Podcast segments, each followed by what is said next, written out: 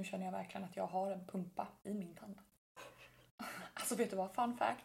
När jag bodde i Östersund så um, fick jag ofta åka in, ofta, men typ tre gånger, akut till tandläkaren för att jag hade popcornkärnor som la sig längst in, vad heter det, längst in, visdomständerna. Ja. Bakom så här i en ficka. Så jag åkte in akut på en lördagkväll innan vi skulle ut typ. Och jag, alltså min tand värkte så mycket och då var det popcornkärnorna. Så de bara, du undviker ett popcorn men det gick inte. Alltså jag var besatt. Och det, kära gäster, startar vår podcast. Ja, det var intro, den var på ja. Just det, hej och välkomna till ett nytt avsnitt av Recovery Time. Och nu har vi en sån här härlig liten jingelmusik. Alltså det har varit en sån här litet dilemma mellan dig och mig. Ja, Ska vi ha musik varit. eller ska vi inte? Ja, jag är den som inte riktigt bryr mig, men eftersom vi får så fin feedback så jag bryr mig över att ni bryr er. Så Ja. Alltså verkligen, team musik. Jag tycker det är så bra. Och om det liksom eh, skålar lite tänkte jag säga så sitter vi och eh, dricker en smoothie. Mm. Så att om det hörs någonting så vet ni att det är vi som dricker en smoothie. Eh, med pumpakärnor obviously. Precis. För att nu är jag faktiskt i Göteborg för Emma i. Stockholm. Så att eh, switcheroo. Verkligen. Eh, och idag så tänkte vi ju snacka om egentligen en förlängning på vad vi pratade om förra veckan när vi hade Filip och Leo på besök. Och då pratade vi om eh, hur det är att dejta någon med ätstörning från deras perspektiv. Och idag så ska vi liksom fortsätta på det, eh, liksom, den tråden fast från vårat perspektiv. Hur de har hjälpt oss men också hur det är att dejta någon när man själv är i recovery. Mm. Så nu kör vi. Nu kör vi. One, two, three, four.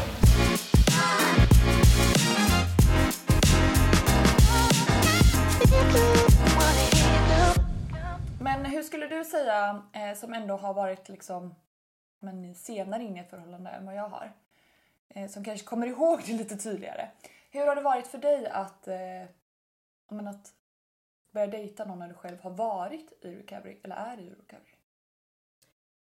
Alltså, jag kom ju precis på idag att ehm, jag har ju varit i ett annat förhållande när jag var egentligen också ätstörd. Under tiden med Leo? Alltså, jag... Nej jag skojar. Va? Under, jag bara under tiden med Leo. Ja, Du dejtar tre? ja, du vet. Två personer på en gång. Mm. Nej, gud, aldrig. Eh, nej, men jag eh, var i en tidig relation där jag inte insåg att jag hade ätstörning. Jag hade ju det. Gud, vad jag hade det. Och eh, där var det en helt annorlunda sak. Men jag går tillbaka till Leo just nu som är i min nuvarande relation. Där allting flyter på väldigt fint. Eh, för att eh, det är väldigt mycket annorlunda. För jag kom ju in i min relation också sent i recovery. Alltså jag är ju snart alltså helt ute Mm. så att säga. Mm. Så att när jag började dejta Leo så var jag så pass ute i recovery att jag hade inte ångest att gå ut. Alltså hade- gå ut och äta. Ja, men gå ut och äta eller bara gå ut för att jag kan också tycka att för min del att vara socialt agerande och träffa nya människor Mm. det tar på mig. Mm. Vilket gör att allting blir lite mera ångestväckande. Mm.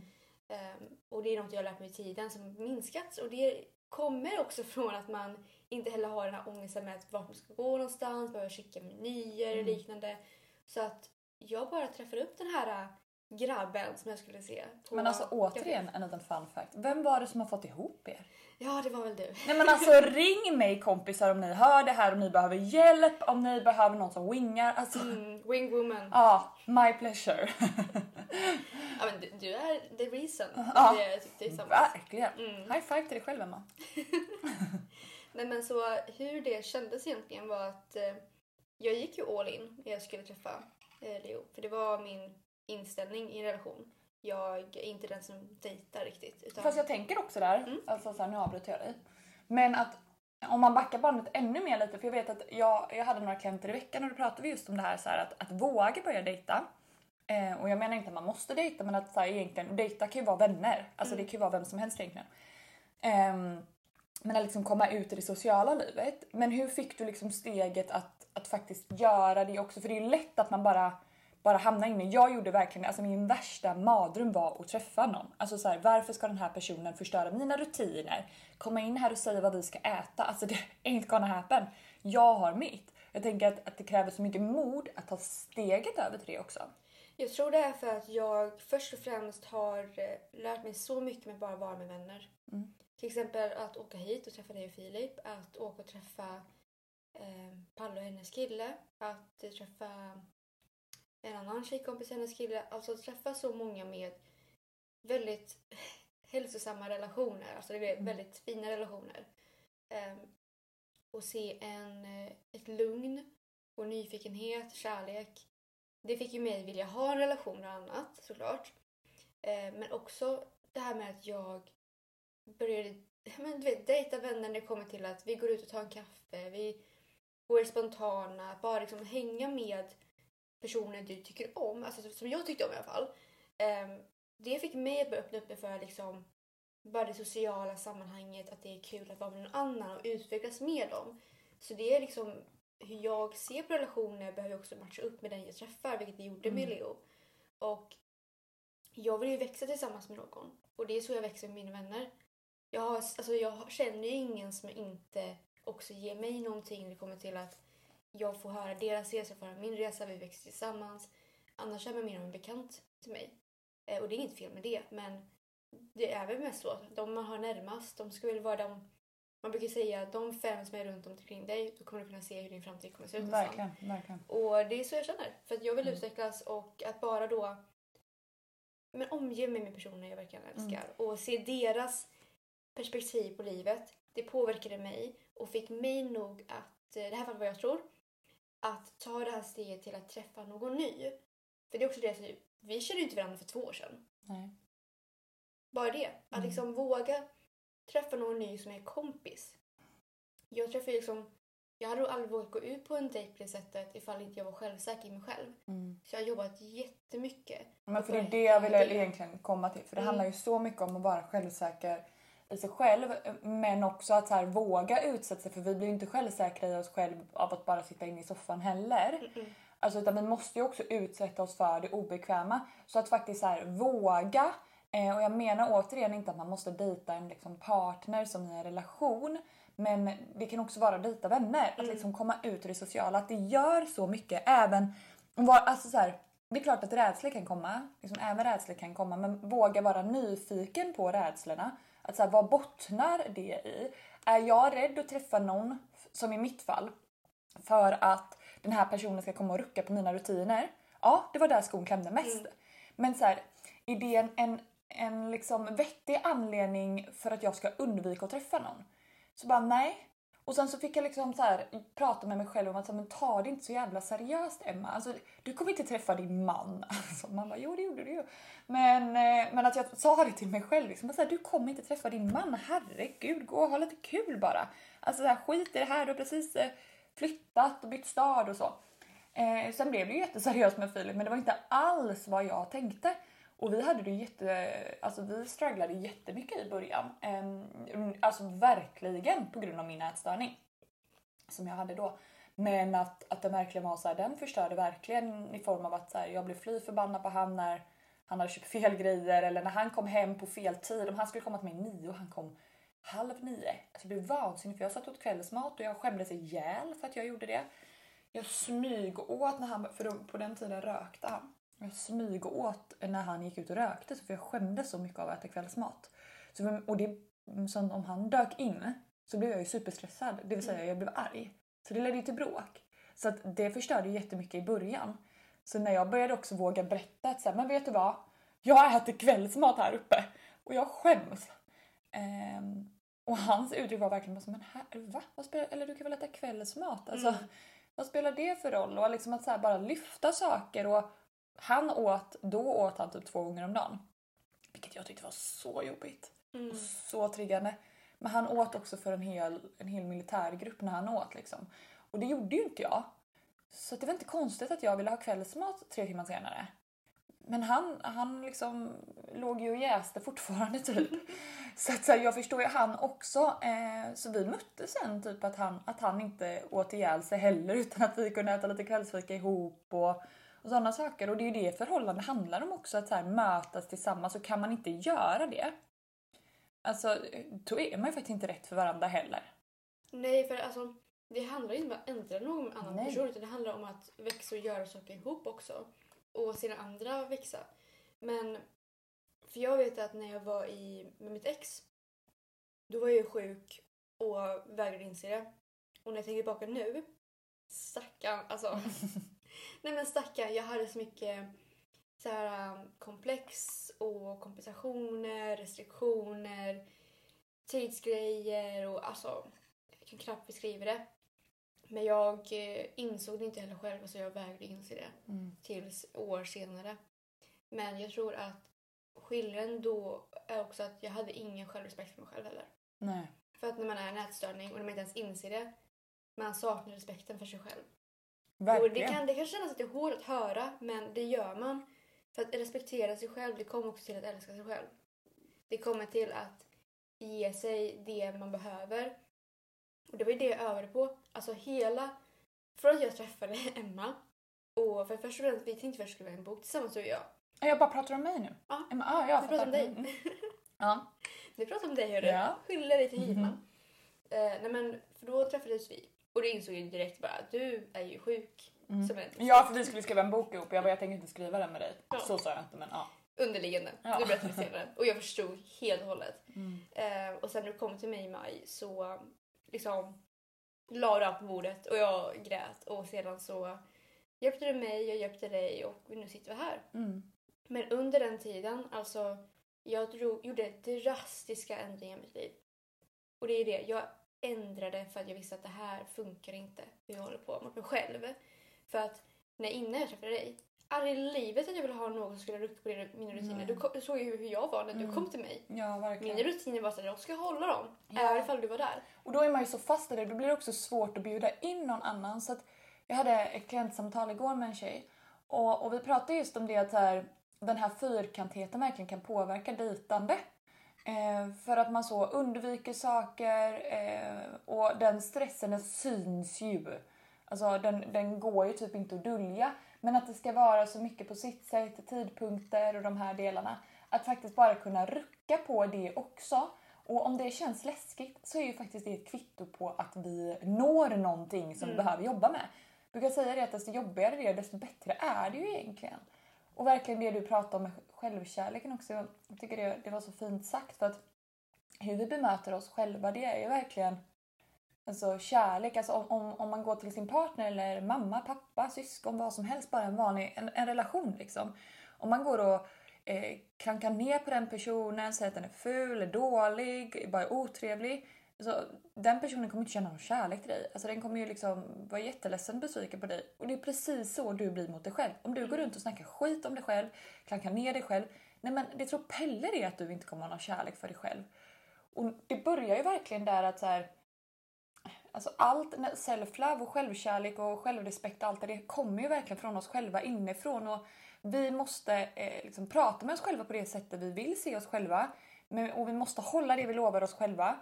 Och när vi, när vi håller det vi lovar oss själva och när vi talar gott till oss själva, då skapar vi en tillit. Och självrespekt.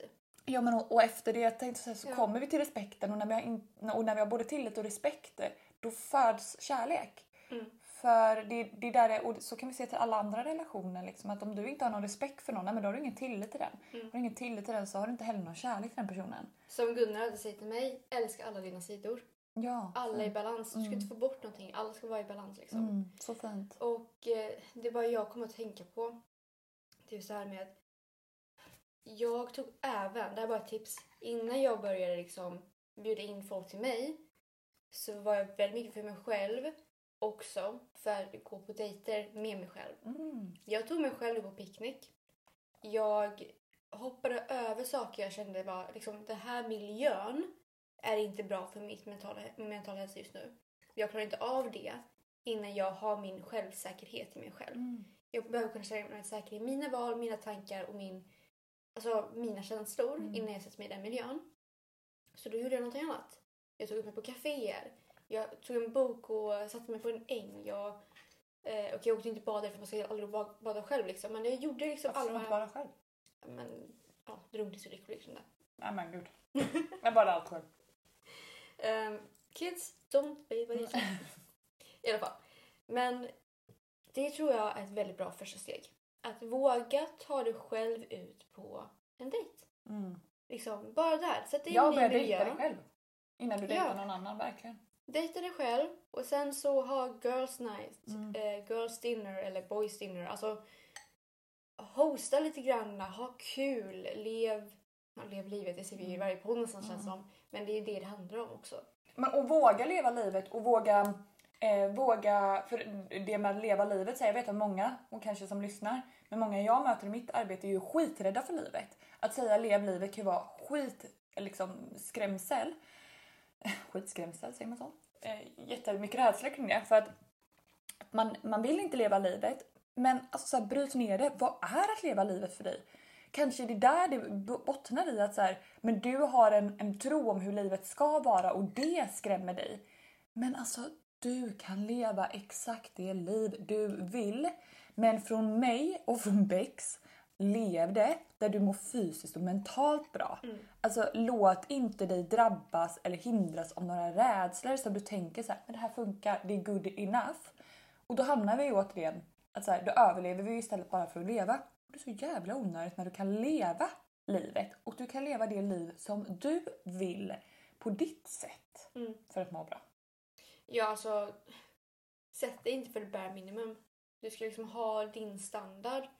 Men återigen då, gå tillbaka till rutinerna du har nu och hör liksom, är de här verkligen en bra standard för hur jag faktiskt vill leva?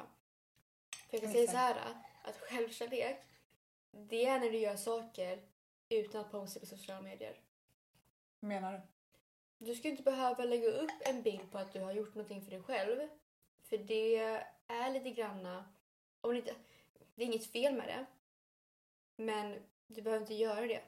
Nej gud vad jag verkligen håller med om det där. Du Eller behöver typ, inte, varje- varenda story behöver inte vara Nej. om hur du tagit en self-care rutin. Utan du ska kunna göra det utan att posta. För Men behöver det ingen bekräftelse. Nej, nej verkligen. Och gud det är typ ett annat samtalsämne. Men vad jag kan tycka att så här, många personer som så här, jag skippar träningen och så ska de göra 10 inlägg om det och 15 story. Man bara Mm. så här, hur mår du egentligen? Och så ska Ja. det låta så himla enkelt. Jag skippar träningen och kom ihåg att det är så viktigt. Eller kom ihåg att det är viktigt att ta hand om sig själv genom att göra ett hemmaspa och så har man 15 stories som det är så här. Ah, kom inte jättenaturligt från din sida verkar det som.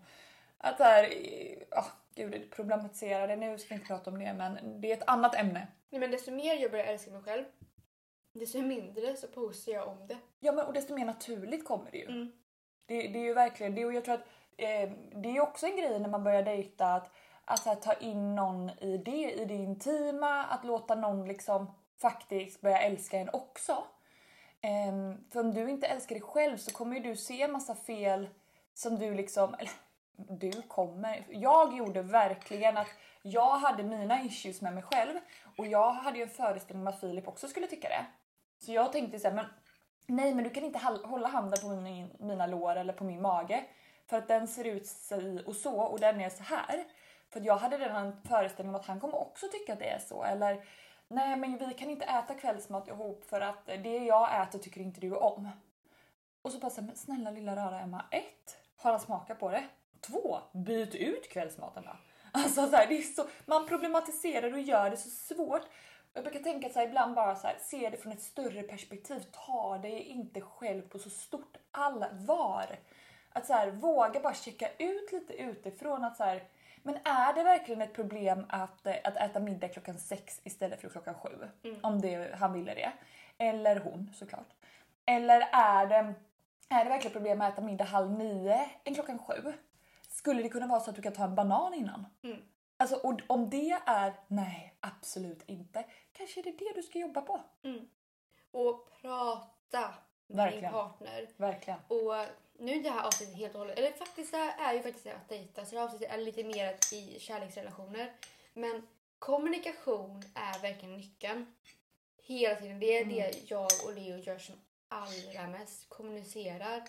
Och det är inte alltid kommunikation om saker som är jobbigt utan bara allmänt. Mm. Vi bara vi pratar, vi checkar in med varandra. Varenda månad så har vi frågor som vi ställer Varenda varandra. Det- morgon tror du skulle säga på. Varenda morgon, förstår du. Jag undviker att prata med Filip på morgonen. Nej jag ska. Nej, men, ja, innan kopp kaffe. Alltså. Ja verkligen. Men i alla fall. ehm, kommunikation. Det är Mm. verkligen så viktigt för att om du verkligen vill skapa en relation med någon och det här hänger alltid ihop med vänner och familj också, men om, vill, om du vill ha en djup relation så Mm. behöver du också kunna prata med en djup kommunikation. Mm. Verkligen.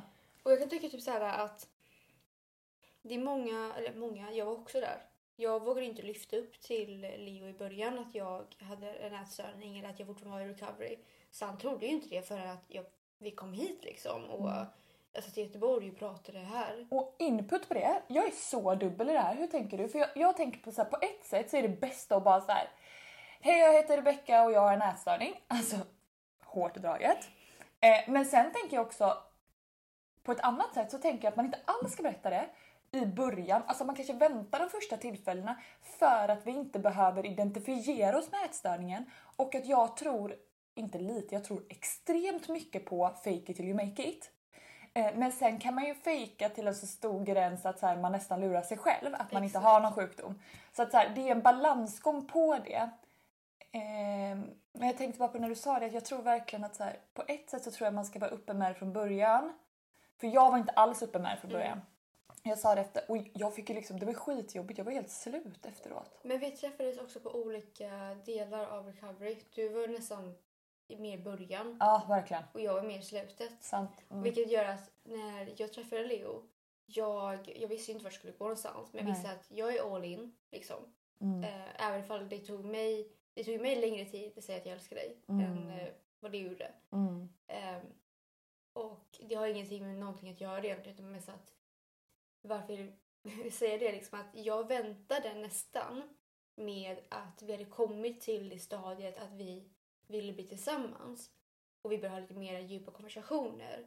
Där jag sa att jag har haft mental ohälsa Mm. ehm, och haft eh, så kroppskomplex och liknande väldigt mycket relaterat till min sport och ehm, jobbar fortfarande på det ibland. Och jag tänker att när man berättar det så Mm. skapar det också en förståelse. Då kanske Leo kan bara, aha, det är därför det var så konstigt tänkte jag säga. Men nej, men alltså så här att, aha, det är därför det har varit på det sättet. eller? Ja, men det var fortfarande det här stadiet att vi sågs inte liksom varje helg Mm. utan vi sågs, alltså vi sågs fortfarande varje vecka. Men det var inte alltid varje helg. Eh, jag hade inte träffat hans familj heller ännu.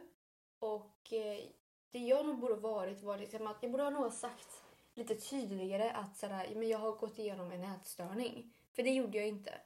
Eh, förrän typ efter att vi båda hade sagt att vi älskar varandra och att det var typ december. Eh, då visste han att jag hade gått igenom det. Men han såg aldrig att det var någon issue. För att jag hade inte riktigt de här standardavvikelserna. Och han såg mig inte varje dag och han såg mig inte under flera dagar i rad. Utan jag hade väl typ mest att jag höll mig lugn under helgerna och sedan så jobbade jag på ångesten under typ veckorna. Mm. Om jag säger så. Så inför helgen så var jag lugn. Mm. Medan under veckan så kunde jag vara lite hipp som dapp. Men jag tänker att det är så viktigt att berätta det ändå för du kanske skapar, för det var det bara när han var här sist nu också så berättade jag saker och då sa han ju också så här, aha men det skapar en förståelse till beteenden och saker man har sagt eller gjort eller har det är därför du varit så stressad av situationen. Jag tycker att du har varit lite konstig eller skum i de här. Att, att de också får en förklaring på det och är det någonting den här motparten inte kan kan liksom hantera eller ta emot. Nej, Men vad, vad är det att hänga i granen då? Så att ganska snabbt kan man ju få reda på också om så här, det här är någonting och jag minns att när jag berättade för Filip så var han ju så här, ja men det vet jag väl. Alltså det, ja, det ser jag ju att du inte mår bra. Eh, och jag var så här, men varför är du kvar då? Eller varför har inte du kutat åt andra hållet? Och så, men det är väl inget problem, jag bara tycker att vi ska prata om det. Mm. Och, och så har vi pratat om det och han har ju verkligen, alltså peppar peppar att han har varit kvar. Alltså jag har varit ett, alltså nej men alltså gud vi, det ska inte det här avsnittet handla om. Och, eh, jag har varit ett svin, alltså ett svin verkligen. Men är man i en ätstörning så är man också ett svin. Ja Det är men ingen verkligen. ursäkt men det. Ätstörnings-Emma var ett svin. Eh, och jag lämnade ju han, eh, alltså ja, vi gjorde liksom en deal att så här, eh, liksom, det får inte vara en gång i veckan jag lämnar liksom. Alltså, det får vara lite mer utspritt på det. Ehm, och så kunde vi skoja om det bara så här, det var tre veckor sedan du skulle lämna mig nu liksom. För jag kunde få såna så här, när jag kände mig instängd, när jag kände, nej, ta tillbaka det, när ätstörningen kände sig inkränkt Mm. och instängd, då fick jag, Emma, panik och bara typ så här skrek och ville att han... Jag gjorde allt för att att han skulle få lämna mig så att jag kunde säga så här, ah, men det var du som lämnade mig, jag, det var liksom inte jag, jag har inte fegat ut, det är du. Så jag gjorde allt för att liksom testa han. Eh, men han var så jävla trygg och var alltid kvar och visste att han kunde få såna utbrott på mig också men men det var liksom sällan han fick det utan han kunde ofta säga som han sa i förra avsnittet bara här, jag ser att det inte är du som är här och det gjorde mig så provocerad med. Ibland när jag sa så här, men vet du vad vi är inte rätt för dem. Då kunde han vara så här, men jag ser att det inte är Emma som pratar nu. Och då blev jag ännu mer irriterad och var så här, men gud alltså vem försöker du lura? Ska du bara övertala mig till att vara kvar med dig? Alltså så där kunde vi sitta och hålla på. Alltså nej men jag ser att det inte är du och sen så tog det en timme och så hade jag skitdåligt samvete att jag hade sagt så. Så han såg ju igenom allt det där och det det var så fint att han, att han kunde göra det och att, att vi nu kan se tillbaka på de åren och bara säga men herregud. Mm. Men vad vi har lärt oss och, och vad vi har kommit nära varandra. Jag tänker att det är en jättestyrka vi har. Så att jag är jätteglad att jag, att jag vågade liksom öppna upp för Filip för annars. Nej men jag vet inte alls, alltså det, vi har ju kommit så nära på, på grund av ätstörningen. Mm. Alltså det jag måste bara få lyfta upp är hur Filip var så transparent. Alltså Filip, nu får du världens eloge här för att lyssnar. Nej, men han har så mycket hybris, gör han inte mer. Det får han med faktiskt. Nej men för att just det här, det här vill nästan få med till andra anhöriga. Att ha den här transparensen och förståelsen till att personen när den agerar från det ätstörda är inte personen du känner. Nej. Och det handlar inte om att det här är, oj, har den bytt en personlighet? Nej, det är inte det. Utan så mycket ångest som finns i kroppen, så mycket rädslor och stress. Ni vet ju själva när man är stressad och rädd och liknande, man gör det först bäst man, man kan, det är typ att fly. Verkligen. Så man flyr marken genom allt man kan för att fly den här rädslan och ångesten. Ja. Och då är, man kan bete sig dåligt, man kan bli manipulativ, allt sånt där. Och det hjälps inte att lägga in någon på ett psykhus liksom. Utan det Men också behövs- att sätta gränser. Alltså Ja, vill du verkligen säga. Så att man inte bara säger det är okej, det är okej. Utan Filip har ju verkligen satt gränser och Mm. bara vet du vad, du får vara hur arg du vill. Men du kallar inte mig idiot eller du Mm. är inte, alltså man kallar inte varandra elaka saker. Utan alltså, det tolererar inte jag.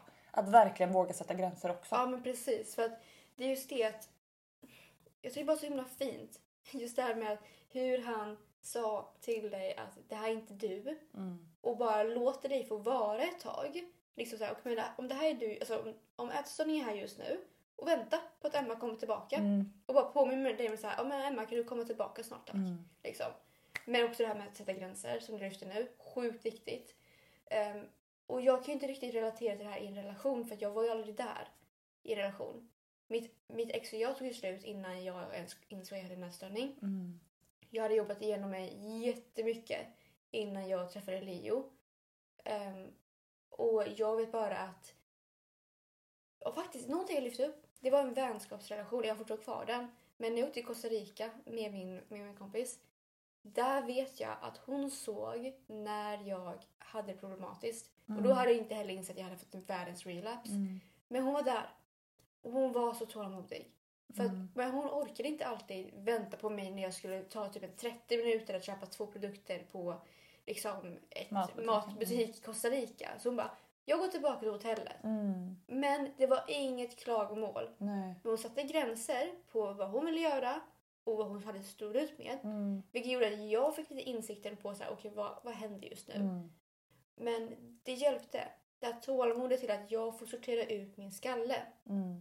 För ofta kan det vara så att när man är stressad, när man har ångest och liknande. Ibland så behöver man bara få tiden att sitta lite med det för att se vad det är som händer. Mm. Och ha supporten där. Nej men alltså verkligen och att verkligen så här, eh, för det är så lätt att gå med ätstörningen också tänker jag. Mm. Må- många jag träffar och som lever med anhöriga och så är ju väldigt så med i sjukdomen, alltså medberoende Mm. i sjukdomen. Och det, det är jättelätt att hamna där, jag köper verkligen det men det blir, det blir också väldigt väldigt dumt. Man hjälper mer än vad man hjälper. Mm. För det är så viktigt att sätta gränser men sen såklart sätta gränser i, i rätt sammanhang inom situationstecken. Det kanske inte är rätt att, att gå in i en diskussion på ICA. Alltså ta den när du kommer hem. Mm. Alltså det är självklart men att faktiskt så här, du jag behöver inte gå med. Men gud jag med massvis med gånger. Men, men att så här, ja, vänta med den diskussionen kanske. Men att, att faktiskt så här, du behöver inte gå med.